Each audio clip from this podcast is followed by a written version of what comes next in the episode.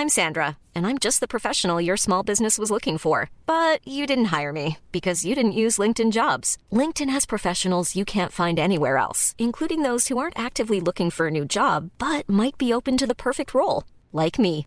In a given month, over 70% of LinkedIn users don't visit other leading job sites. So if you're not looking on LinkedIn, you'll miss out on great candidates like Sandra. Start hiring professionals like a professional. Post your free job on linkedin.com/people today.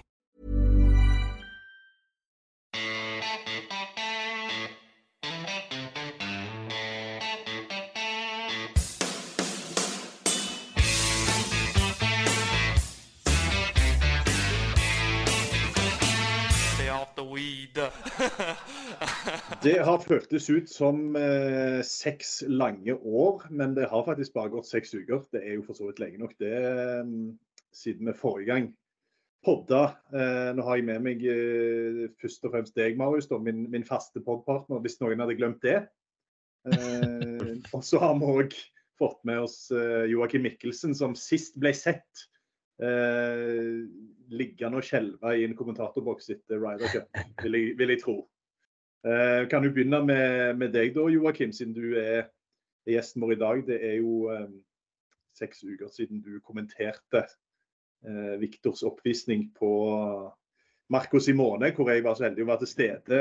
Vi kan jo først begynne med eh, først og fremst, Har du henta deg inn, og hvordan var den opplevelsen for din, eh, for din del? Ja, jeg har jo det på sett og vis, men jeg har tenkt mye på Ryder Cup. Altså. Jeg har tatt meg selv i det at jeg har liksom hatt litt sånn withdrawals nærmest, og tenkt på masse forskjellige slag. Det er det ikke ofte jeg gjør. Som regel så kommer man jo på en måte over golfturneringer, men det der var eh, Det var noe litt eget, rett og slett. Ja, det kan du si. Marius, du eh, har begynt eh, i ditt virke som daglig leder på Bærum golfklubb. og Det er vel kanskje litt av grunnen til at vi ikke har gjort dette her på seks uker. Når Ja. vi starta podkasten i dag, så huska du så hadde du glemt hvordan det var å trykke record. Så, men ellers går alt fint.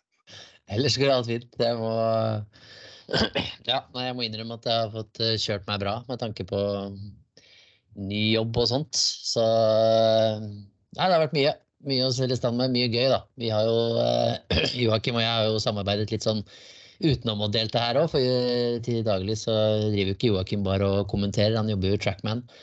Så vi har jo satt opp et eh, flunka nytt simulatorsenter, så rakk jeg å skryte av det før vi satt i gang. Så, så, så det hvis det ja, ja, vi har satt opp et nytt, nytt Trackman-senter som er helt konge med alle mulige fasiliteter og svingstudio, så det tar jo litt tid å sette opp og få i gang, da. Så nei, det er gøy.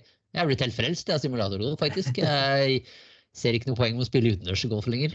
Så Jeg kan bare si, si Blaker, han godeste Torp han kommer til å bli enda skumlere til, eh, til sommeren. Også. Det går noen timer inn i simulatorene på Bærum der nå, så han har, eh, han har fått gode trenings- og arbeidsforhold.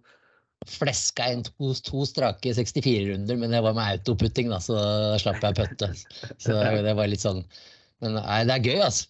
Til alle som eh, ikke har spilt simulatorgolf og ikke vært på Trackman-simulator før. Og ikke, om dere ikke tar turen til Bærum, ta turen til et av de mange andre sentrene som finnes. Det er dritfett. Og grafikken er helt rå, og de har fått til Lofoten Links, som er bare du kan spille den i med nordlys uh, hele runden, liksom. Så det er, uh, det er ordentlig gøy, altså. Jeg får bare si takk, takk, takk Marius. No, nothing to add fra, fra meg. Men eh, Marius, det kommer jo et NM på Bogstad neste sommer. Betyr det dette at du eh, Hvis jeg, kan, hvis jeg kan stå og spille med sånn autoput på klubbhuset på simulator, så blir jeg med.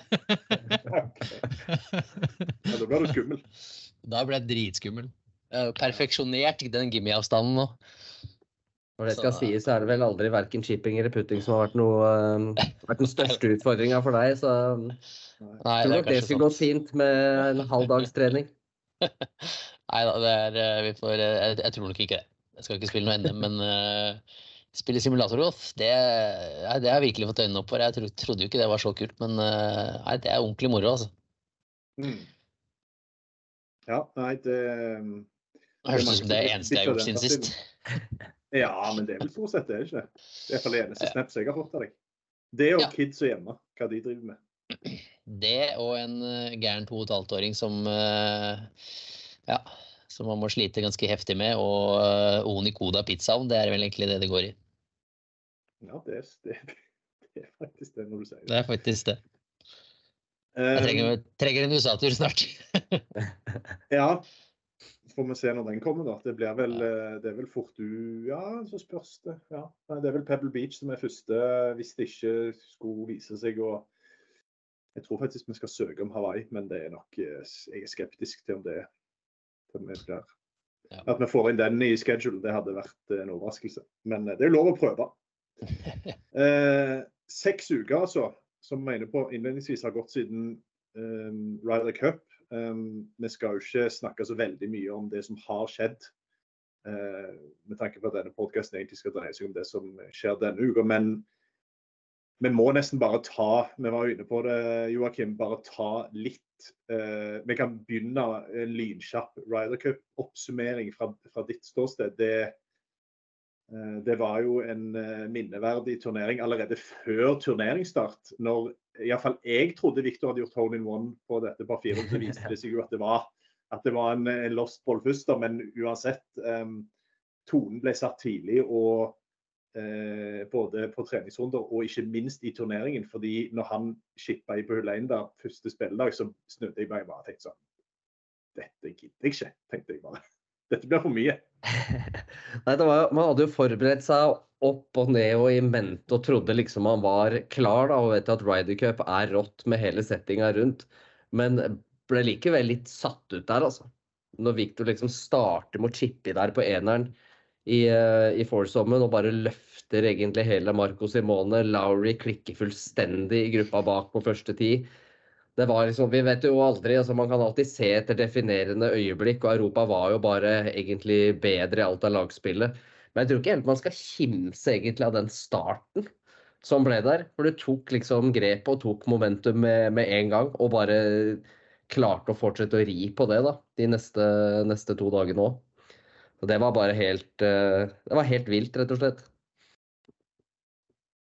Ja, det, det var det. Og Viktor har jo faktisk um, han har jo faktisk vært, eller deltatt i to podcaster i spillepausen. Han har vært, var han først med i Mark Immelman sin podkast, On the Mark heter vel den. Og så sist nå så var han hos Smiley Coffman, uh, som jo er, er det NBC han jobber for. Han er iallfall ekspert og banereporter. Og han fortalte jo da, vi burde jo nesten hatt det klippet Men han fortalte jo da om, om denne episoden på hull 1. Det var liksom hans første Ryder Cup. Hans første liksom som sånn on course, som walking reporter.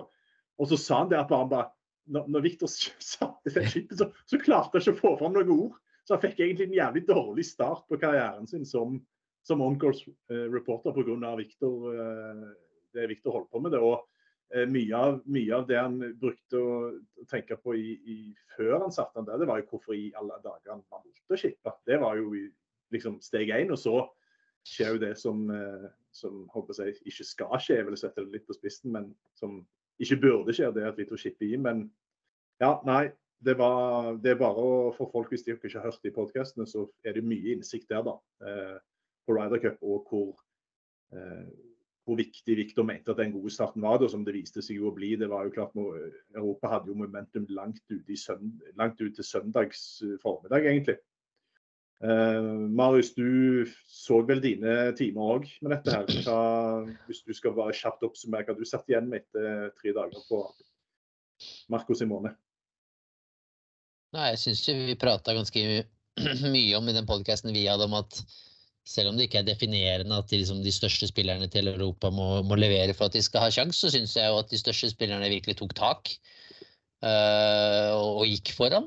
Uh, og satte trenden uh, tidlig. Og Victor, en av de, syns jeg var uh, fantastisk i, egentlig alle matchene. Fikk litt juling en, en, match der, men det er veldig vanskelig å gå hele veien gjennom uten noe som helst hiccups. Så vi fikk jo drømmepairingen. Rett off the bat der så fikk vi Aaberg Hovland, som vi hadde drømt om, og det viste seg jo å være det noen andre hadde ikke så fine drømmer om. Kanskje vi ikke kommer til å ha så fine drømmer om. Uh, det er vel ikke Scotty Sheffield og Brooks Cupka har vel ikke så lyst til å spille mot de to med det første, så jeg syns jeg syns at de største stjernene til Europa klarte å, å, steppe opp og dra med seg resten av laget. Og så syns jeg at uh, et par av de andre overrasket positivt. Uh, Høygård gjør vel syv birdies i sin første bestball der på torsdag ettermiddag. Det i sammen med John Ramm, det er uh, Og absolutt bidrar. Ja, apropos, apropos, apropos, viktig start, den putten han satt på hull 1, mm. den, den dro et par nerver. Og Bob, eh, Bob, McIntyre gjør vel birdie på sitt første hull også, så stopper det kanskje litt uh, i hans første match, men så leverer han igjen uh, mot slutten av turneringen. Så Justin Rose også skaper trygghet for McIntyre i sin match. Uh, Ram er der. Hatton er der. Fleetwood er der. McIlroy er der. Så en ordentlig lagseier må vi vel kunne kalle det, det med at toppene viser at uh, vi er der for å bli, på en måte. Så jeg topp lagprestasjon i, det store og det hele, da.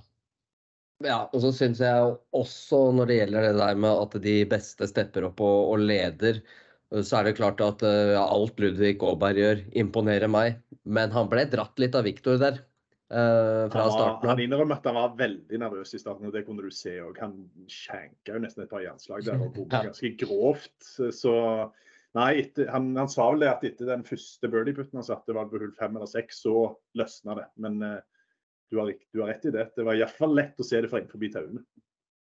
Det er litt, mm. Eh, litt, gøy å se det. og En ting er jo alt Viktor har oppnådd sportslig, men var jo litt, vi prata litt om det i den forrige poden vi hadde, at det blir gøy å se nå gått fra å være rookie, selv om han var blant de beste spillerne i forrige Ryder Cup òg, så var han fortsatt debutant nå er det liksom, eller i år, mer etablert at han skulle være en leder, og det syns jeg han eh, altså Utover bare golfen han leverte, syns jeg han innfridde på, på det punktet òg. Det var eh, rett og slett et eventyr sett med, med, med Victor Øyne nå, hele, hele Ryder Cup, sånn som han spilte og, og, tok, og tok tak, rett og slett.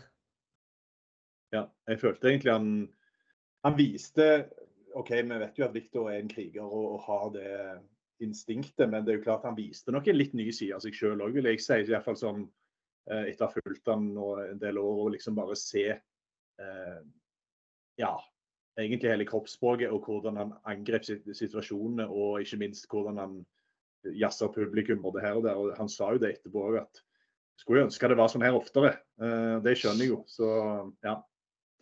Om, det ikke kommer, om ikke Ryder Cup skal bli hvert år, det blir kanskje litt for mye av det gode, men at det iallfall kan komme noen sånn ja, turneringstyper som gjør at du får litt mer den connection da, mellom publikum og, og, spillerne. Det mener jeg òg bør skje. fordi bare det å være på Ryder Cup det, det, er jo en helt annen opplevelse. Altså, Å være på en PGA-turnering, det, ja, det er gøy.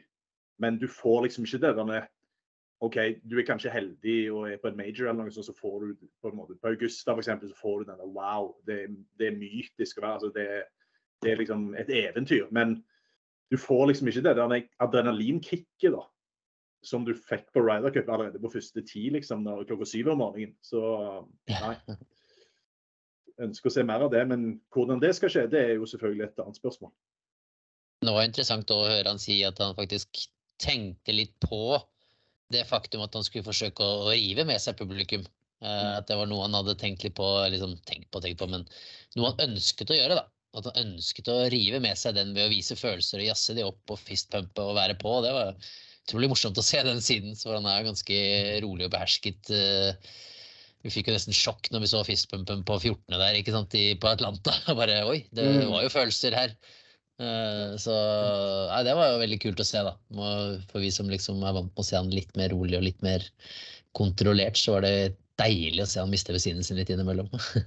Ja, noen av de der clutch-puttene han, eh, han satte, og det var jo nesten så du hadde lyst til å altså, Du løp nesten gjennom veggen sjæl, altså. Fra, liksom fra utsida. Det var eh, Det var rått å se, rett og slett.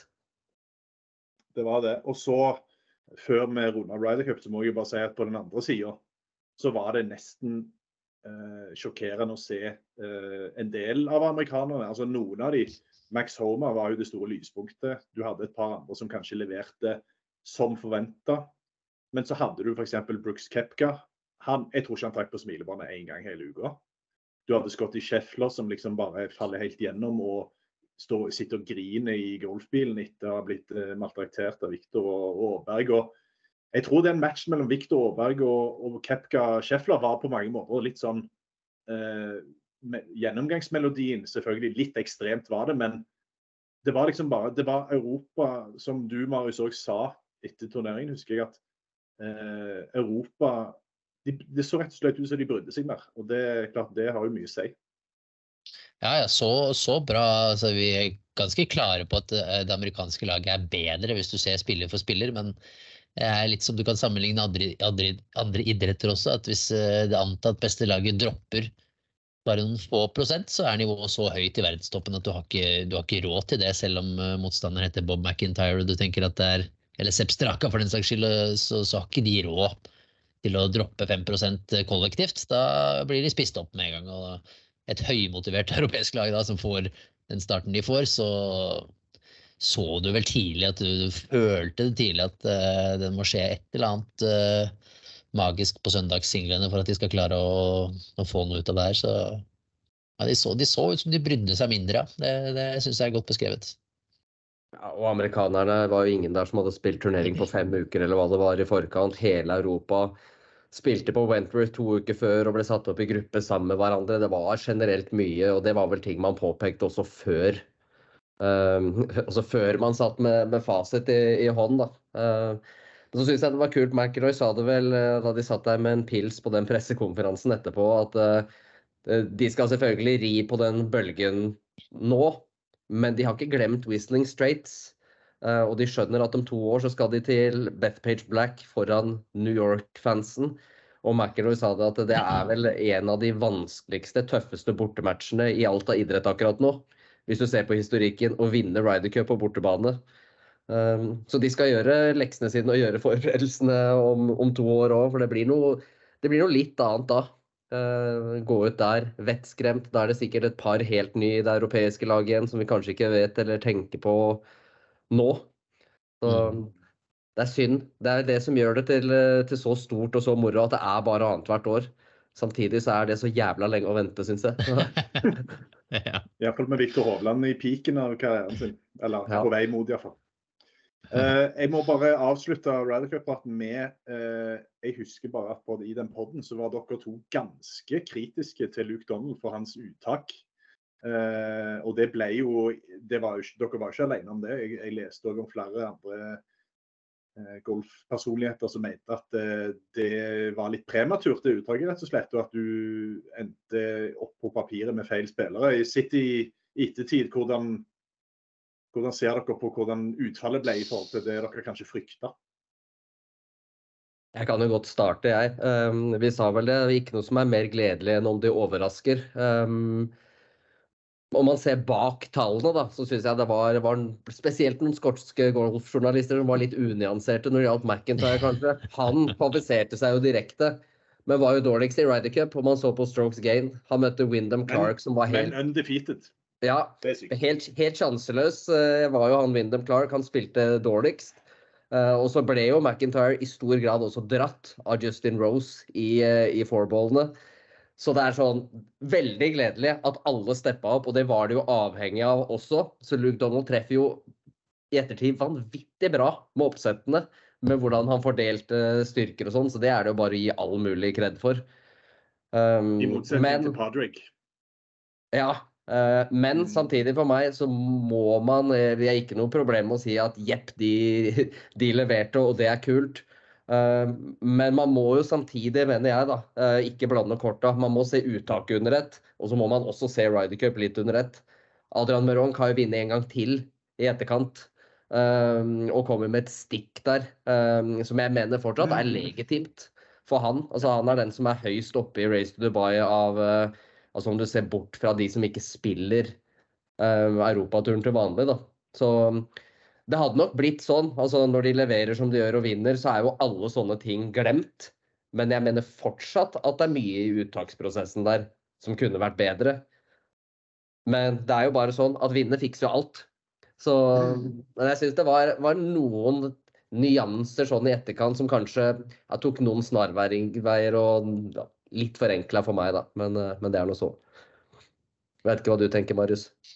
Eh, jo da, jeg støtter vel egentlig den. Og så kan jeg jo da legge til at jeg nekter å tro at Meronk hadde gjort noe særlig dårligere enn ikke eksempelvis alternativet. eh, Så Eksempelvis det McIntyre leverte der, eh, delvis også Høygård. Eh, selv om han bidro ganske kraftig der på, på dag én, men ja, jeg, han leder, han leder europaturen i um, strokes gain tee to green og vant på den Ja. banen før i år og har nå vunnet igjen. Så det er liksom, vi, vi vet jo ikke noe om alternativet. Det er det som er så uh, flott med hindsight. Ja, ja, og det blir jo det er liksom uh, ja, Men det er, det er helt legitimt, det. Altså, det ble jo bare helt, uh, helt fantastisk. Og spesielt det som skjedde under Ryder Cup, så var jeg egentlig oppe å si nesten stum av beundring over mye av det Donald gjorde. Han traff jo egentlig på alt. Eh, Jeg begynte å lure litt etter det gikk opp 4-0 på dag én, når de gjorde helomvending på alt som var. Men så funka jo det bra òg. Da var jeg litt mer sånn shit, hva, hva skjer nå? Er det Podrake 2.0, eller eh, Mm. Men det var det jo ikke. Så all mulig honnør til Donald og hele kapteinsteamet. Og det motsatte kan vel sies til Zack Johnson, som faktisk eh, ikke bare bomma med både uttak og taktikk, men han presterte jo òg å snakke bort Jordan Speed fra, fra en kølle på et av hullene som avgjorde den matchen. Så eh, Plutselig var det high school, high school golf der på 16., liksom. Hvor han gikk inn der og skulle liksom legge direkte føringer for det. Det var, det var sånn jeg satt der og kommenterte, så var det akkurat som at jeg ikke helt ville akseptere at det var det som skjedde. For det er bare sånn, det blir bare så dumt at eh, Men det, det er sikkert, eh, når du er i kampens hete der på bortebane og på å si 99% av alle rundt bare hater deg, jeg tror ikke det er så lett heller å, gå der og, og gjøre alt riktig. Altså. Det skal sikkert Europa få kjenne på igjen om eh, to år. Ja, vi gleder oss til det. Og Bethpage Black det er vel den banen som har et sånn eh, om sånne skilt så det står på sånne alpinbakker som er for bratte for allmennheten, så står det det før første tid på Bethpage. Det sier vel, sier vel sitt om at det kommer til å bli uh, carnage der i uh, 20, Ja, få se det. Få se hvordan eh, amerikanerne setter opp. Det er ikke sikkert de ønsker den eh, Det er ikke sikkert de ønsker US Open-setupen uh, i Ryder Det Cup. gjør der, de men- nok ikke. Så det kan Det vel hende at de kanskje eh, softer den opp litt. grann. Det blir eh, Bermuda Classic, holdt jeg på å si. Det kan vel hende de 40 softer den opp litt. Minus 40 som vinnerscore. Ja. Nei, spennende blir det, men uh, deilig at det gikk veien iallfall i år. OK, nå har ser jeg allerede snakket lenger om det jeg planla at vi skal på Rydercup, så vi får komme oss videre. Sjokk. Nei da, det er sjokk. Uh, det er gøy Nei da, det er gøy å, å dvele litt. Um, det har jo ikke skjedd så altfor mye uh, når det gjelder Victor etter Rydercup og fram til i dag. Han deltok jo i denne kall det veldedighetsturneringen, eller hva du skal kalle det, denne eh, parturneringen på Oak Tree National. Eh, hvor han selvfølgelig også, gikk til topps. Eh, det var vel eh, tre uker siden nå. Spilte sammen med en OSU, eh, tidligere OSU-spiller, en amatør, og vant etter omspill mot sin tidligere roommate, Zachary Bocho. Så det var jo litt morsomt. Der var det faktisk òg en del andre PGA-spillere med, og Liv, eh, et par Liv-spillere. Så eh, han vinner selv om det ikke betyr så mye. Eh, fortsetter bare å kjøre på. Og så har han jo nå, etter litt mye om og men, eh, endelig om han har om han har flytta skikkelig, det vet vi ikke. Men han har i hvert fall kommet seg ned til Florida i, i forkant av, um, av Dubai. eh, Vi kan begynne med deg, Joakim. Altså, dette, dette steget med å flytte fra Oklahoma har vel ligget litt i kortet en stund. Em, men samtidig så er det sånn uh, never, holdt på å si, never change a winning team. Det har funka veldig bra for han uh, med den setupen han har hatt. Men det er jo klart at uh, når alle dine tidligere lag, lagkamerater og sånn har forlatt byen, så er det kanskje på tide å komme seg videre sjøl. Em, Florida er jo sånn sett det mest populære valget. Men akkurat det å flytte med Christoffer Ventura, det er jo kanskje et, noe vi ikke hadde helt forventa. Hvordan ser du på, på den eh, prosessen, og at han nå skal bo med, med Chris i håper jeg, uårs, overskuelig framtid? Eller hvordan, du sier det. Jeg tenkte vel egentlig på det, altså vi går noen år tilbake, sånn helt uten sammenheng på noen som helst eh, parameter, så husker jeg det sjøl da jeg bodde i USA. At du har en tilknytning til den byen du, du gikk på skole og føler at alt her er så trygt, så her vil jeg bli. Men etter hvert som du på å si, blir litt eldre, da, og så flytter lagkameratene dine, kompisene dine, de forsvinner egentlig til alle kanter, så kommer du litt over det. Uh, så det, har egentlig ikke vært noe sjokk for meg. Jeg har forventa det at han kom til å komme dit på et punkt. Så tror det er et naturlig steg. Og så syns jeg jo det er kult da, at han er så stor stjerne som han er nå. Uh, du kan jo da se på vanlige PGA-tur cribs rundt omkring i, i Florida. og så er det liksom sånn Nei, men faen, er ikke det fint? Bo med Ventura, ha noen å trene med og, og, sånn. Det kommer sikkert til å utvikle seg derfra òg, men det er liksom uh, Han tar ting på sin måte og tar sine steg. Jeg hyller det jo. Jeg syns jo det er kult. Og det er jo med uh, Også vi har jo norske med vår kultur og alt sånn. Eh, men for amerikanerne så blir jo mye av dette her Det er jo bare med å bygge opp hele mystikken rundt Hovland. Det er liksom alt sånn jeg var, Alt fra det derre Hva har du gjort nå? Nei, kjøpt meg en ny grill. Uh, han skal flytte Nei, flytter inn med Ventura. liksom Naturlig å trene med han. Det er jo veldig annerledes sammenligna med alle de stjernene som man sammenligner med på, på andre ting. Jeg syns det er kult, uten at han på en måte prøver på det, så er, er det, det er med å bygge hele på å si mannen, myten, legenden, sånn som han, sånn som han uh, holder på. Hva tenker du, Marius? Nei, jeg er jo ikke enig i det. altså. Jeg syns det er, uh, moro. Flytter inn til Kristoffer Ventura, liksom. Uh, han kunne jo kjøpt seg nok av hus der nede. Sikkert kjøpt by, hele bygården til Ventura. Ja, ikke sant. Så nei, det er veldig morsomt. og så er det jo, det er jo smart, da. Han er jo, ikke, er jo ikke 100% sikker på om han skal gjøre dette byttet helt ennå, og tester det ut. og Det er jo det her enkleste måte å gjøre det på, istedenfor å forplikte seg til noe leie eller salg eller kjøp eller noe annet. så fornuftig å teste det ut nå som han har tid og tiden til rådighet. Og så vet vi at han liker å gjøre sine ting og er veldig flink på å gjøre de prioriteringene som er riktige for han. Ref eh, det å investere i leilighet her hjemme i Norge også å være mye mer her hjemme i løpet av sommeren. Det har vi sett nok eksempler på nå, at gir han masse energi og gir han masse overskudd. Så jeg syns det er utrolig imponerende at han klarer å eller Imponerende, kanskje feil ord, så ikke imponerende er det ikke, men at han er det er veldig bra gjort å, å gjøre prioriteringene som er viktige for han. Det er så lett å liksom følge strømmen litt, eller ta et valg som på en måte alle andre gjør, eller fordi noen har funka eller sagt at det er bra der. Så han lytter til seg selv og passe på å gjøre det som, eh, som er riktig for han. Eh, og så lenge han klarer å fortsette med det, så, så syns jeg dette er veldig veldig fornuftig. Og så tror jeg håper, håper litt også at det kan være positivt for Ventura sin del å få sparra litt og liksom tulla og tøysa litt og fått det litt ned på jorda av hva enn det skulle være forventninger og press han kjenner på, sånn at han kan få ut eh, Sånn at vi kan få ut potensialet hans også. Det, om, hadde, om han hadde klart å og det her hadde klart å liksom bikke det litt i hans favør også, så syns jeg det har vært veldig gledelig. Men for Viktor sin del så er jeg vel enig med Joakim at jeg blir, jeg blir ikke overraska om han ender opp i den delen av USA med, med tiden her. Det, det, tror jeg også. Men uh, det er kortere vei hjem og alt sånt, og vi vet han er uh, glad i det som nevnt. Så fornuftig å teste det ut, syns jeg, og så får vi se hvor det bærer derfra, da. Og så ikke minst uh, tror jeg ikke du skal undervurdere at Kevin Wright holder til der. Uh, ja. Hans og Viktor sine andre nå for hver Ryder Cup som går hvert år som går på turen, så virker det som han får tettere relasjon med flere av de altså, europeiske stjernene. da. Også, mm. Jeg tror ikke det skader liksom, at man har et miljø av McIlroy og andre, andre turspillere som har uh, holder til der. Ja, Hatton bor jo på Legnona, gjør han ikke det? Så da er vel ikke negativt å bo i nærheten av de gutta og kunne spille og henge litt og ha det gøy med de også når det er ja, nå blir jo liksom sesongen mest sannsynlig ganske hektisk. ikke sant? Fra januar til august så blir det ikke mye pusterom.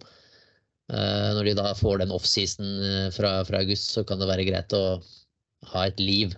Ikke bare sitte og se på høyballen rulle forbi vinduet i Stillwater. Altså, ikke, altså, en ting er jo bare altså, alt det vi mest har prata om nå, det sosiale og hvilke folk han omgir seg med. Men jeg har vært eh, altså jeg har selv bodd i Texas, øh, og jeg har vært i Oklahoma liksom på vinter, tidlig vår òg. Det er ikke så bra vær alltid. altså Det er jo ikke like bra vær overalt i USA. Og det er ikke så kult når det blåser 30 miles sidevind og er dritkaldt hver dag. Det er noe litt annet å bare dra på seg shortsen og så bare velge hvilken øh, holdt på å si, luksusbane skal jeg dra til i dag. Mm. Jeg, jeg, tror ikke jeg hadde blitt værende i Stillwater, Oklahoma, jeg heller, for å si det sånn, i, i, i hans situasjon. Ikke, ikke, veldig lenge, i hvert fall.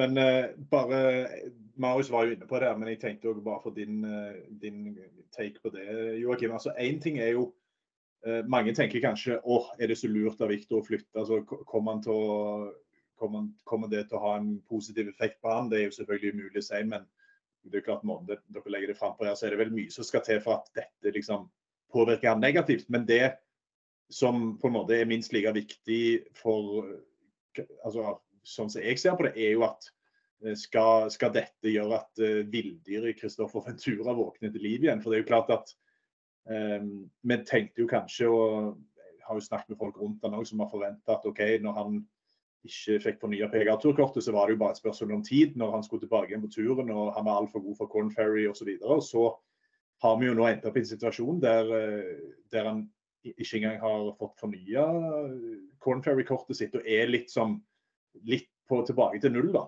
Eh, og det, Sånn sett så kan det jo være en enorm timing.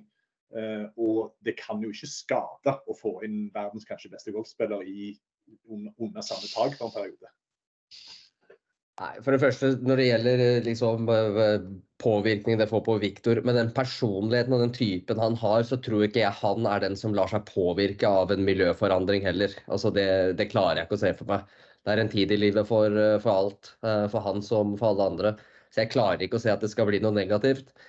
Men så tror jeg også at det kan, altså vi vet jo ikke, men det er jo en gave til Kristoffer Ventura. Altså på så nært hold hva er det de beste gjør? Altså, Ventura kan så mye om golf og alt det der. Så det er liksom ikke sånn at Victor kommer til å stå på treningsfeltet og så lærer han noe han ikke har skjønt en dritt av fra før. Men jeg tror det er det der å, å være i det miljøet, og at han liksom får den følelsen uh, over tida. Men faen, jeg kan jo slå Victor på trening, jeg. Og at han på en måte kanskje um, måte tar seg litt i det. da. Jeg tror veldig på det. Jeg har alltid vært uh, si, stor tilhenger av alltid trene med folk som er bedre enn det. Jeg husker sjøl bare igjen uten sammenligning få lov til å trene med og spille med Marius hver dag. Da jeg var drittunge og Marius var ett år eldre drittunge, så er det liksom det at du, du, du ser til enhver tid da, hvor ligger lista hen. Hva er det som gjøres? Hva må til? Uh, og så tar du valg og tror jeg utvikler deg mentalt, ikke minst, deretter. Så jeg har, uh, jeg har store forhåpninger uh, til det der for Ventura sin del, rett og slett. Og, og håper at det kan få altså, Gi ham et boost, da. For han har tatt seg til PGA-turen før. Veit at mm. nivået til det er der. Um, kanskje kan Viktor kanskje sparke ham litt i ræva og, og få det um, til å skje igjen. Ja, nei, Ingenting hadde vært bedre enn det. Så vi, vi krysser fingrene for at det posit, slår positivt ut for begge våre to eh, ja, antatt beste, er det vel kanskje lov å si. Men eh, før, vi, før, vi, går videre til det som skal skje i Dubai, så vil jeg bare kjapt innom vår tredje best, eller vår, vår tredje i denne topp tre, hvis vi skal kalle det det, norske golfere akkurat nå. Det er jo Christian Krogh som er midt eh, i snakkende stund er midt inne i et eh, maratondrama om å fornye europaturkortet sitt. Eh, dagens runde gikk heldigvis veldig bra etter en litt off-dag i går. Kristian er da, når vi, når vi recorder denne podkasten, nummer tolv før de to siste rundene.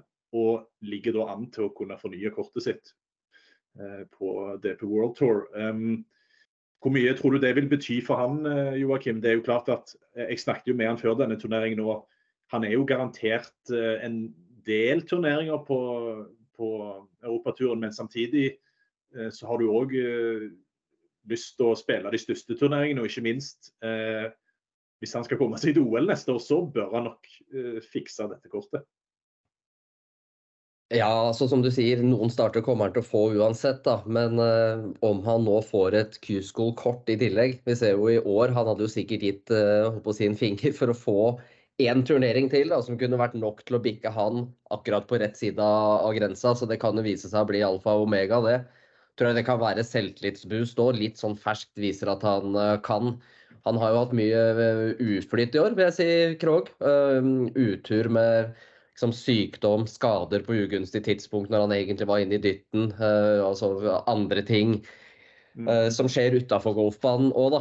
Eh, jeg er heller overbevist om at han hører hjemme, i hvert fall som en etablert europaturspiller. Eh, så vi får bare håpe nå, med to runder igjen da, i, i skrivende stund, at han, eh, at han gjør den jobben. Uh, nå skal jo Espen er jo tilbake igjen i full uh, europaturdriv i år. og det jeg tror det for oss som ser på, selvfølgelig, ha to som spiller fast der, og så kommer Viktor med i, det, i de største. Jeg tror det er viktig også for de som kommer litt bak, nå som vi har hatt momentum òg. Selvfølgelig, vi har Viktor der, men for kulturen sin del, at liksom ikke vi- Hvis Ventura faller fra, da, og så er det bare inn og ut på europaturen, så kan det faktisk bli litt vanskelig for de som kommer etter å på en måte tro på det òg. Så mm, ja, jeg, jeg håper at Krog eh, får en full sesong, og at eh, ting flyter litt mer for han neste år. For det har ikke vært, eh, det har ikke vært mye medvind for Krogeren i år. Nei. Marius, du nikker anerkjennende. ja, jeg er enig med det. Jeg tror Jeg er jo helt 100% enig i det. jeg Vi føler jeg vi har sagt mange ganger òg at nivået til Krog hører definitivt hjemme. Som en etablert og en som skal være nesten blant de topp 50 og skal være med i Dubai-finalen. Det mener jeg 100% uten norske briller på. Eh, Så for hans del så føler jeg det handler om å sette litt sammen de tingene, unngå skader. Kanskje tro litt mer på seg selv. Eh, Jeg føler vi har vært innom det tidligere at han kanskje kan bygge seg ned litt for lett. Eh, Både Joakim og jeg har vært gode på, gode på å bygge hverandre. Bygge, bygge ikke hverandre, men bygge, bygge seg selv ned, vi. Altså, så jeg skjønner. Det er ikke sånn at jeg ikke skjønner det, men uh, Er det der, som derfor dere bygger, er det derfor dere bygger hverandre så voldsomt opp i dag? For å liksom kompensere? Ja, ja vi, går, vi går på sånn selvhjelps... Vi har starta på sånn lang selvhjelpslivsutdannelse, uh, vi nå. Og forplikta hverandre til å bygge hverandre opp resten av livet. Så vi funka egentlig best når vi spilte foursome sammen, Joakim og meg, for da gikk vi bare snakka stygt om de vi spilte mot. så det funka egentlig best. Men eh, Krog har så mye golf inni seg og slår ballen så bra. Eh, en fantastisk fin ballstriker og har så mye golf i seg til å altfor mye golf i seg til å ikke spille fast på, på DP World Tour og være en som kan være med å kjempe om turneringsseire der. Uh, og det vet han selv også. Han må bare rett og slett la det skje. Det høres utrolig simpelt ut. Men hvis han kan la, la, la det skje og ikke stå i veien for seg selv, så har han bevist nok ganger allerede at han kan være med å kjempe. Så jeg håper bare han gjør det, og så som Joakim sier, eh, unngår da de, de litt kjipe tingene med skader og kan havne på riktig side av eh, å komme med en turnering eller to ekstra, ikke sant. Så jeg har veldig tro på han også, så eh, bare la, ta tiden til hjelp der, så kommer han til å stabilisere seg.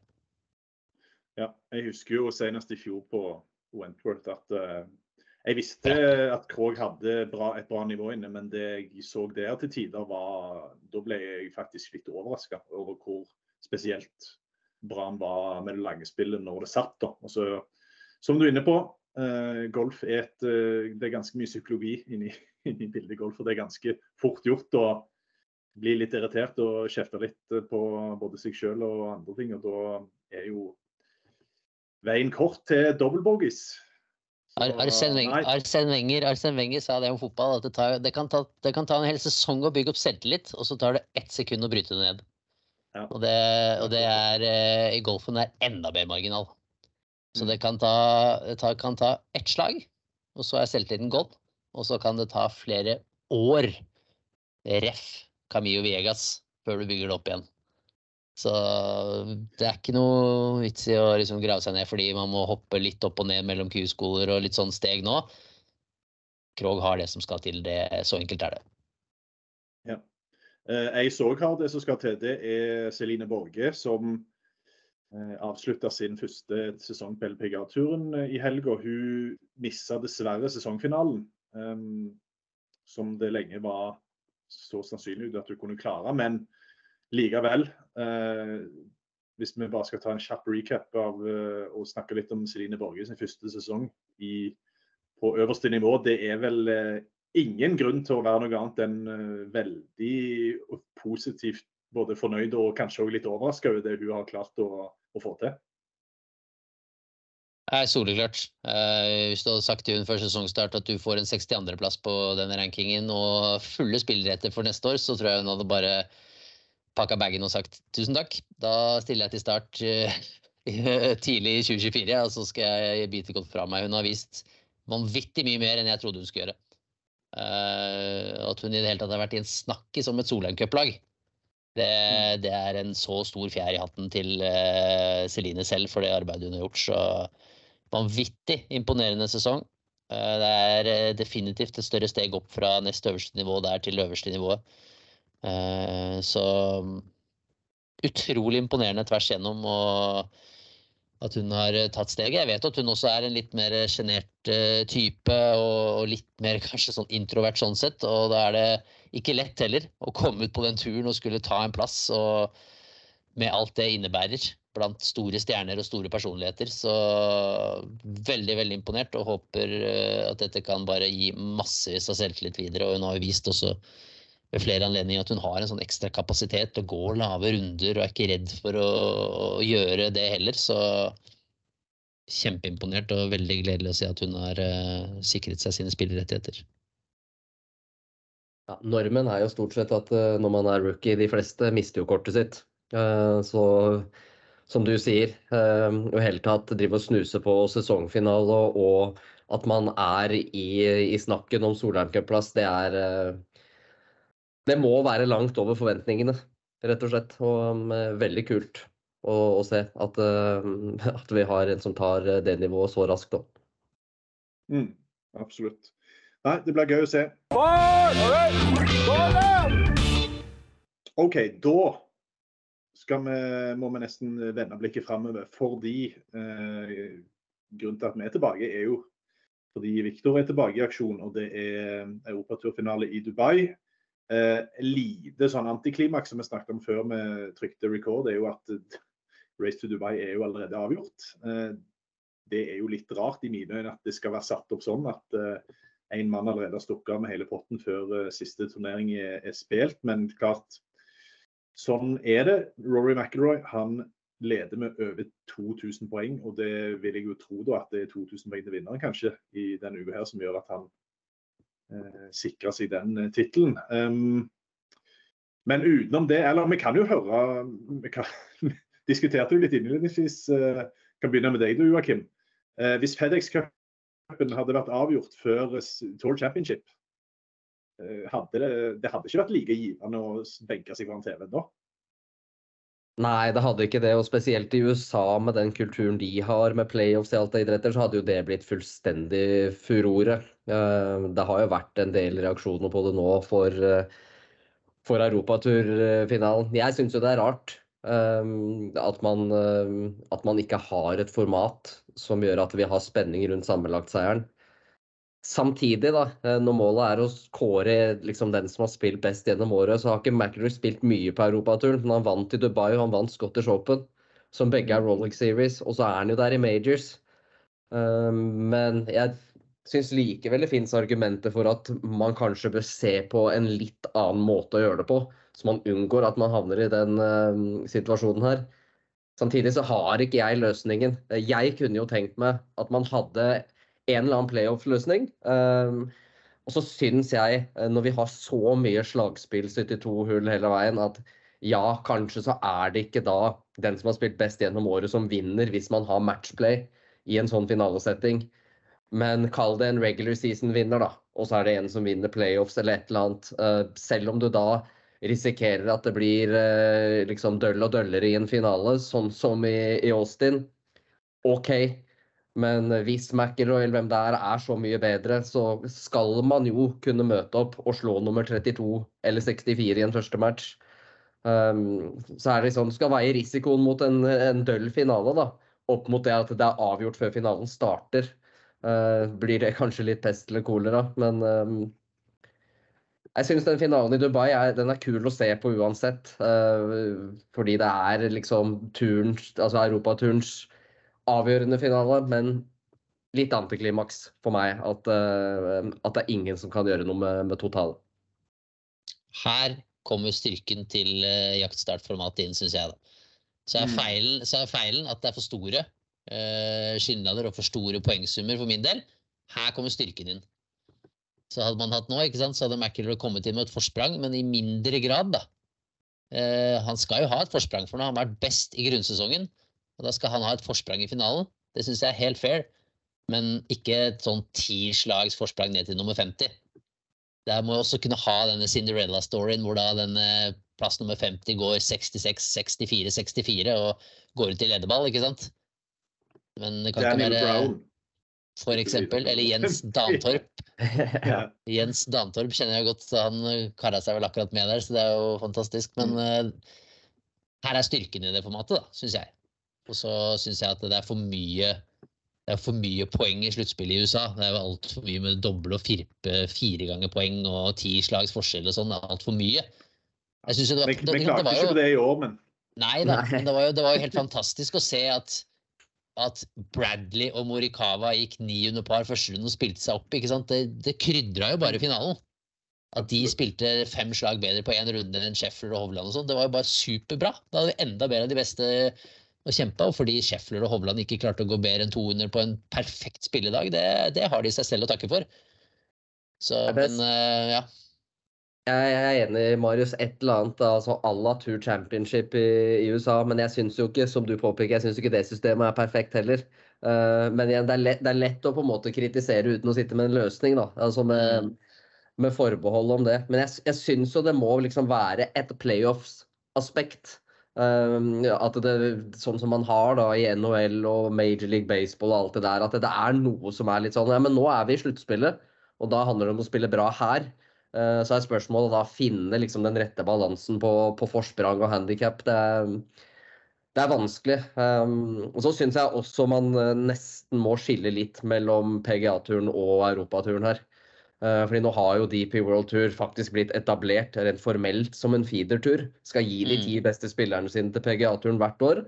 Mm. Eh, Så man kan ikke sidestille dem. Eh, Jeg har jo lenge egentlig vært en forkjemper for at Europaturen må gjøre noe for å være unik, da. Jeg har jo tenkt på ting som da at det burde vært mer linksgolf, f.eks. At hele sommeren burde vært linksgolf, for det er noe du ikke har i USA. Kanskje ta inn andre formater i løpet av sesongen. Så jeg føler på en måte at Europaturen kanskje har litt friere hender enn PGA-turen på et vis når det gjelder å skape det underholdende konseptet. Fordi ja, det er snakk om de beste spillerne i Europa, men hvis du ser bort fra nå i finalen i Dubai, da. eh, Hvis du da ser veldig kjapt på liksom Hovland, Ram, McIlroy, Fleetwood, Fitzpatrick som skal spille, så er gapet egentlig både i stjernestatus og nivå altså fra nummer 1 til nummer 50 i finalen i Europa, det er mye større enn det er eh, i USA. Så der føler jeg kanskje at det, altså det, det er andre måter man kan gjøre det på. Uh, hvert fall, altså, De prøver å finne en balanse mellom at europaturen ikke skal bli altså, rein annen fiolin til PGA-turen. Uh, men jeg, jeg syns ikke at Altså, vi kan ikke sammenligne dem side om side, det blir feil. Uh, men, men de har kanskje muligheten til å gjøre noe som de på PGA-turen ikke hadde kommet unna med, da, på sett og vis. Men jeg veit ikke hva. Så det blir jo bare her å sitte og, og, og synes. Ja, du vil jo liksom, ok, Skal du begynne å tenke på alternativene, da vil du ha, skulle du hatt en turnering med cut for å liksom Nei, det kjennes jo ganske feil ut i en finale. Uh, så som sagt, det formatet som er på PGA-turen, det blir ikke riktig i den form. Kunne turneringene før Dubai-finalen hatt litt mer å si? Kunne lagd en bedre swing ut av det? Eh, Africa's Major som var forrige uke, kult, fantastisk. Eh, Kan, kunne de gjort noe mer ut av det også? Nå, nå har de stå... heldigvis, heldigvis neste år så blir jo Abu Ja. Dhabi og Dubai de siste to. Så jeg tror de er inne på noe allerede der. Altså. Så, Der er vi inne på noe. Så gjør noe ut av det at de har ti stykker som skal ta steget opp til eh, PGA-turen, da. Bygg drama rundt det, ikke sant. Nå er det den siste som har det kortet per nå, er vel Høygård. Hvis jeg har sett riktig på lista, så er i hvert fall den siste markert med PGA-turkortet er Høygård. Men han blir jo nå blir mest sannsynlig tatt ut av det der, eh, han nå. For jeg tror han har tatt nok FedEx Cup-poeng. Så jeg tror ikke han Ja. trenger den kategorien. Den kategorien via midlertidig medlemskap er bedre enn den de får fra Europaturen. Ja, Eh, ikke sant? så Men da har du masse andre veldig- storylines, da. Ja, så Det kan jo være en sånn en storyline med, som blir med det nå. Det er at I og med at han ikke trenger å ta et av de kortene, så åpner det døra for at Rasmus kan ta det siste, om han spiller bra denne uka her i, i finalen. Ja, eller så har du liksom Marcel Siem er to plasser unna. Det er ganske fet storyline, liksom. Så Mm. de må jo bygge alle det. Men jeg, jeg syns de, de må klare å finne en sånn at det, det, det kan ikke være avgjort. Nei. De må ha en løsning der som gjør at uh, f.eks. da vi ikke er frarøvet McIlroy-Ram-duell nå. Det er det vi vil ha. Vi, altså, ja, vi får jo det mest sannsynlig om kanskje selve turneringen, så får vi det. Men det at vi ikke har den duellen, da. Potensiell kjempeduell ikke sant, i fire dager nå, neste, hvor vi kunne fått, fått det med da Meronk Fox, uh, Minwoli Høygård, eh, Hovland andre bak der. Så ja, eh, de, de fikk jo det sånn som i Når man var litt heldigere med sesongen for tre år siden, så ble jo det en veldig kul søndag der. Med Lee Westwood inn i miksen. Altså det, fra for hvert slag så svingte det jo sammenlagt. Det er det vi vil ha. Men så har jo. McIlroy i år da, med formatet bare vært for god. Så man kan jo si at han på en måte har tatt ansvar og drept det. Ja. Men for meg nå, i tillegg til turneringa i seg selv, som står seg helt fint uh, aleine, den blir Ja, kul med feltet som, eh, som er. Men storylinen blir jo å sitte for meg og se på hvem er det nå med så mange poeng på spill som blander seg inn i toppen og snyter noen andre for et PGA-turkort. Um, det syns jeg blir uh, liksom en kul storyline i finalespillet. Blir sikkert enda mer neste år. Um, så er det jo da blir det spennende å se, syns jeg, for uh, europaturen sin del isolert sett, når man da skal støvsuge da ti mann hvert år, eh, så vil de jo dra det mer og mer i retningen en feedertur, nødvendigvis. Eh, og at det blir da Rolex Series og de aller, aller største som kommer til å samle store navn. Ja, men det kan, de jo, det kan de jo lykkes med, ikke sant? hvis de da klarer å bygge spenninger rundt det. Og samarbeide med PGA-turen om, om akkurat det. Så å bruke PGA-turen for alt det er verdt så kan de klare å bygge en enorm kul storyline rundt et par av de som nå da får et år på PGA-turen, kanskje. ikke sant? Og kan snu hele livet opp ned. Så så de må bare jo- bruke det. Så vet du jo heller ikke da, som alt som skjer i profesjonell herregolf, det plutselig så blir det bare et år med det. Ja, Eh, og så blir det samarbeid med Piff og Saudi dollars i øst og vest, og så er, er, blir det noe helt annet. Det er jo ikke en dritt man kan, kan ta for gitt lenger. Nei, det er sant. Nei. Nei um, bra. Bra vi får eh, ventilert oss og diskutert litt. Det er deilig. Det, det er derfor vi har denne, derfor vi har med deg, Joakim, sånn at vi kan få litt sånn punch, punch fram og tilbake. Uh, Viktor, da, nummer 14 i sammendraget. Eh, eh, han, kan jo da selvfølgelig ikke vinne Rolex Series, men eh, det er jo klart at han kan ta en, eh, et godt jafs oppover resultatlista, eller sammenlagtlista, da. Uh, han må jo sies å kanskje være den største favoritten denne uka. her. Det er jo klart at seks uker i golf er lenge. Eh, vi vet, det er umulig å si styrkeforhold eh, PDD i forhold til for seks uker siden, men det er vel ingenting som tyder på um, Marius, at Viktor ikke skal faktisk være den største favoritten denne uka. her. Er det det? Ingenting. Ikke Nei, noe tilfelle. Enda mindre når det er begrensa felt uten cut. Eh, da drar du ikke inn liksom like mange som har, har uka si. Um, holdt på å si færre, færre kort, da, som skal eh, gjøre livet surt for type ja, Hovland, McIlroy, Ram. Så det er jo liksom Det er ikke super odds. Uh, veldig høy odds på at vi får et oppgjør som kanskje blir mellom de antatt beste her. Um, og antatt beste, om vi ser den høsten her under ett, så er jo det Viktor. Mm. favorittstempel, det må han bare finne seg i å ha. Uh, Og det blir jo da litt Altså den golfballen som er så rund, det blir jo litt sammen med et par andre, kanskje, da. Så Ja. Men trenger ikke se Ja, veldig liksom, lenger eh, enn McIlroy, Ram, uh, Hovland antagelig. Tony Fra han, kom, det er jo- fra, han kom, eh, fra han kom over grensa, eller fra han Fra han brøt, den, eh, brøt barrieren da, med å ta en storseier på Memorial der, eh, så klarer ikke jeg å se en bedre golfspiller i, i verden eh, etter det. Eh, Da må han rett og slett bare bare som Joakim finne seg i at når han kommer til Dubai nå, uavhengig om han har hatt seks ukers pause eller hva han har gjort, så én, man må kunne forvente at han er forberedt og klar for å spille turnering. Og to, da må han finne seg i å være den største favoritten. Så enkelt er det. Ja. Nei, hvis vi skal ta Victor Ram og Rory, da. Eh, Ram, det er jo klart at Ram viste jo egentlig veldig lite før Ryder Cup. Han litt som forventa, litt som vi snakket om før Ryder Cup. Han rise to the, rose to the occasion. Han steppet steppa opp når han, eh, når han trengte å gjøre det. Rory har jo selvfølgelig vist litt mer, eh, kall det siste halvåret. Eh, hvis Ram på en måte hadde våren, så hadde Rory kanskje litt mer sin gode periode litt senere på året. Men det er klart eh, Momentummessig her så er jo alt på Viktors side. Og så spørs det jo da selvfølgelig om um, om hvordan dette her kommer til å gå. Og det er jo klart at Hvis vi skal se på banen, da, for eksempel, som jo ofte kan tyde på hvilken type turnering vi får. Denne, er det Earth Course i år òg? Ja, stemmer. Ja. Hvordan, hva, hva, type bane er det, og hvordan, for de som ikke er så godt kjent med den, og hvordan, hvilke type spill legger, legger den opp til? Jeg kan jo starte med at noen av de navnene vi har nevnt, har veldig gode minner derfra. da. Ram har tre seire der. Uh, Rory og Fitzpatrick har to hver.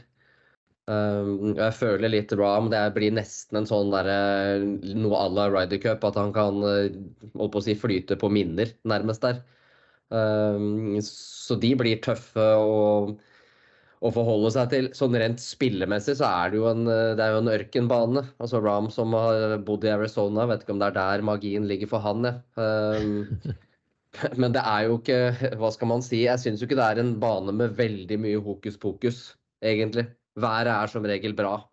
Um, det er få tilfeldigheter, og det blir jo Føler at det blir en ballstriking-konkurranse der um, egentlig.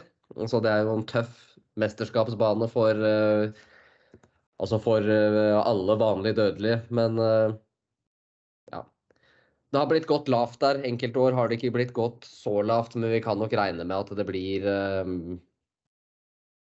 Det blir sikkert lave scorer. Altså, det er liksom ikke noe US Open-setup eller noe sånt der. Så på sett og vis kan man jo si at det er fire liksom, gode dager på, på, jobb da, for de store navnene her. Det kommer dit, det er ikke noe cut. Um, selv om det er en finale, så, så tror jeg ikke det er sånn at uh, Viktor nødvendigvis mister mye nattesøvn natt til torsdag her, kontra en del andre baner hvor man har spesielle hull man frykter veldig. Det er generelt, syns jeg, lite spesielt ved den, uh, ved den uh, Earth Course-banen. Så vet jeg ikke om, uh, om du er enig eller uenig i det, Marius? Jo, jo, her kjenner du til og med som har kommentert turneringen flest ganger, så kjenner du enda bedre til liksom, banen og sett enda mer. Så det er vel det samme inntrykket jeg har. Uh, fair test, syns jeg det virker som. Med, med massevis av gode golfhull og bygger jo litt opp. Har jo lagt opp til litt dramatikk på slutten der også, med en del hull med vann involvert. og par femmel på slutten der som de kan flytte både tilbake og frem til stedet og gjøre langt og kort. Så vi har jo lagd en mesterskapsbane for sånne typer turneringer som det her. og så Uh, så det er jo en god fit sånn sett, men jeg syns det alltid har virket som en veldig fair test. Eh, det du får, er på en måte det, det, du ser, og du blir straffet ved å misse feil akkurat som du skal, og du får belønningen hvis du er på og kommer til å få masse gode muligheter. og Det er vel en ganske store grinkomplekser med mye hellinger som du kan bruke både ned og som heller fra pinner, og du kan bruke ned til pinner. Så eh, jeg syns det virker som eh, en veldig fair og fin test for, for en sånn type finaleturnering.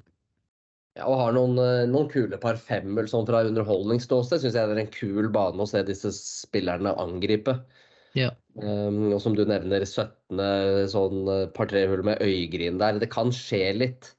Um, men jeg føler for at den banen skal bli en skikkelig test, så er man avhengig av litt, uh, litt ørkenvind.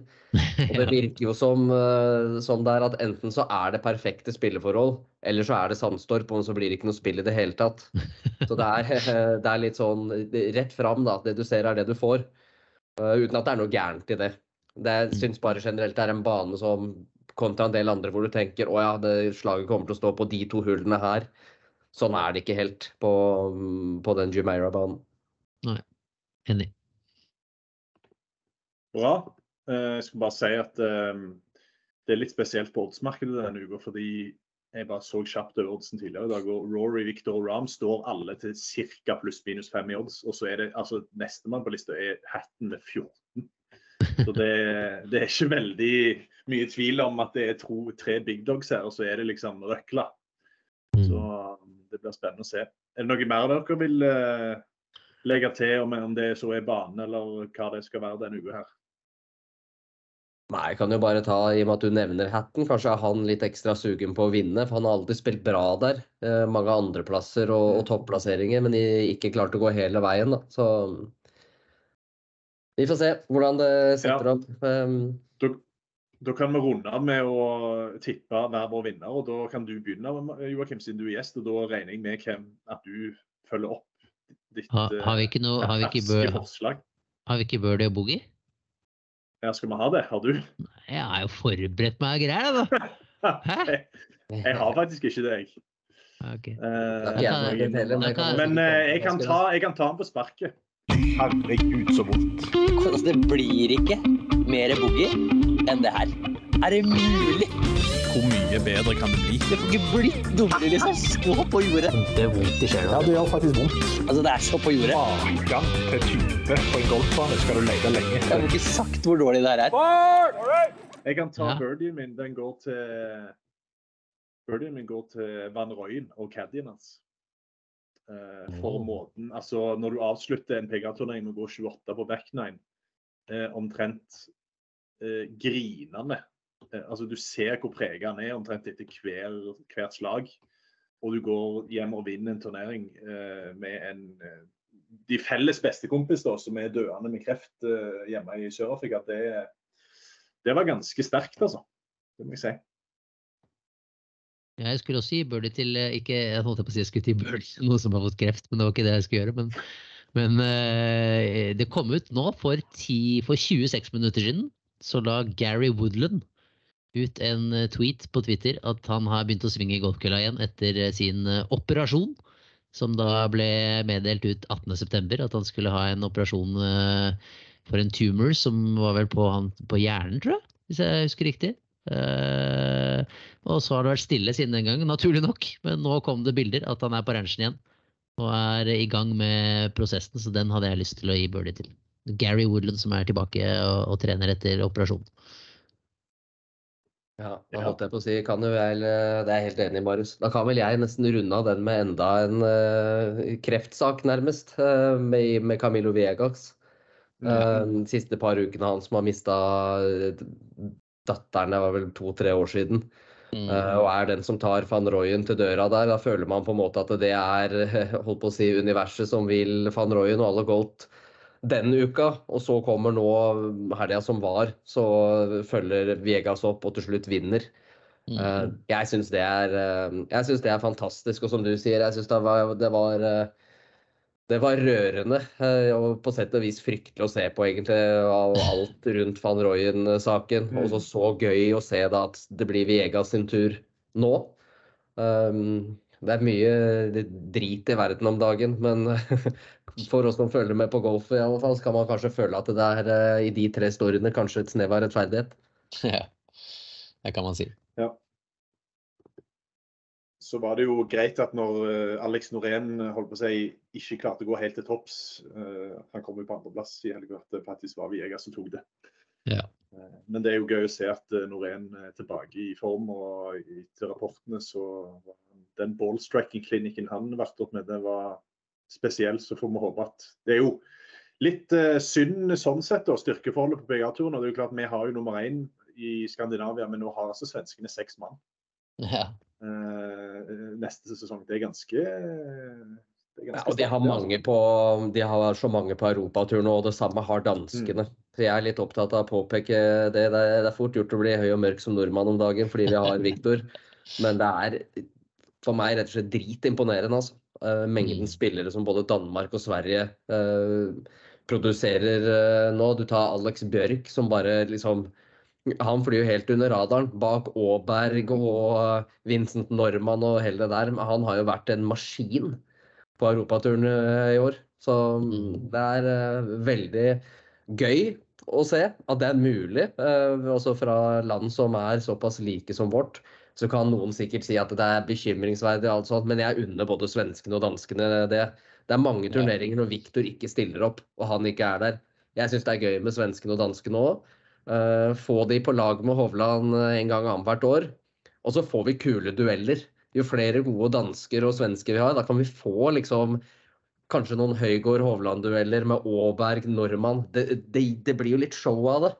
Uh, at man kan få sende litt stikk. Så for meg er det kult at det ikke bare er Viktor og, og ingen andre fra Skandinavia. Nå Var det til og med en Ja. finne som vant der for ikke så lenge til, så Ja. kan vi slenge, kan vi jo slenge inn han nå. Han nå kommer vel sikkert fort på PGA-turen nå.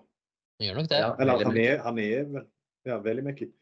Eh, nei, jeg, som jeg sa etter første første turneringen til Åberg på PGA-turen, det var vel at mitt største ønske for 2024 er vel å ha Åberg og Hovland i lederball i en eller annen stor turnering.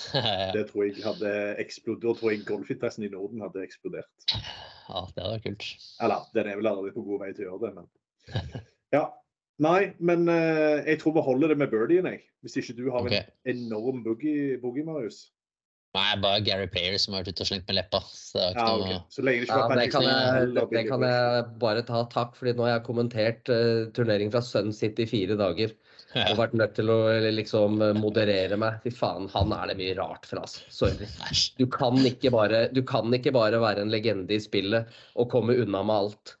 Alt mulig rart han sier og gjør og har gjort opp igjennom. Vær så snill, altså. Du kan ikke bare være legende, og så er alt greit.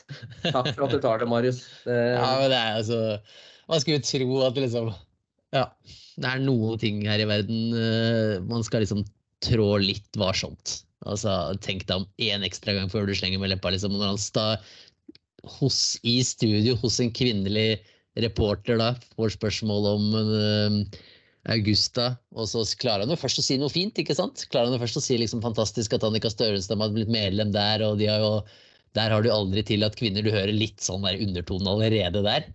Og så fortsetter den kvinnelige programlederen da og sier ja, for i de seneste tiden har Augusta gjort mye bra. Uh, med tanke på også Women's Amateur, som har vært veldig veldig populær. Nei, der er jeg ikke enig med deg. Bare fyker det fra player. Det er liksom nei. Nei, jeg er bare sånn der eh, Nei, kompis. noen enkelte du, Så har du den situasjonen der med han eh, familiemedlemmet som sto og reklamerte på første tid der på Augusta. Ja. og så Vær så få det så langt vekk. Det, Han er så, han er så drøy, han.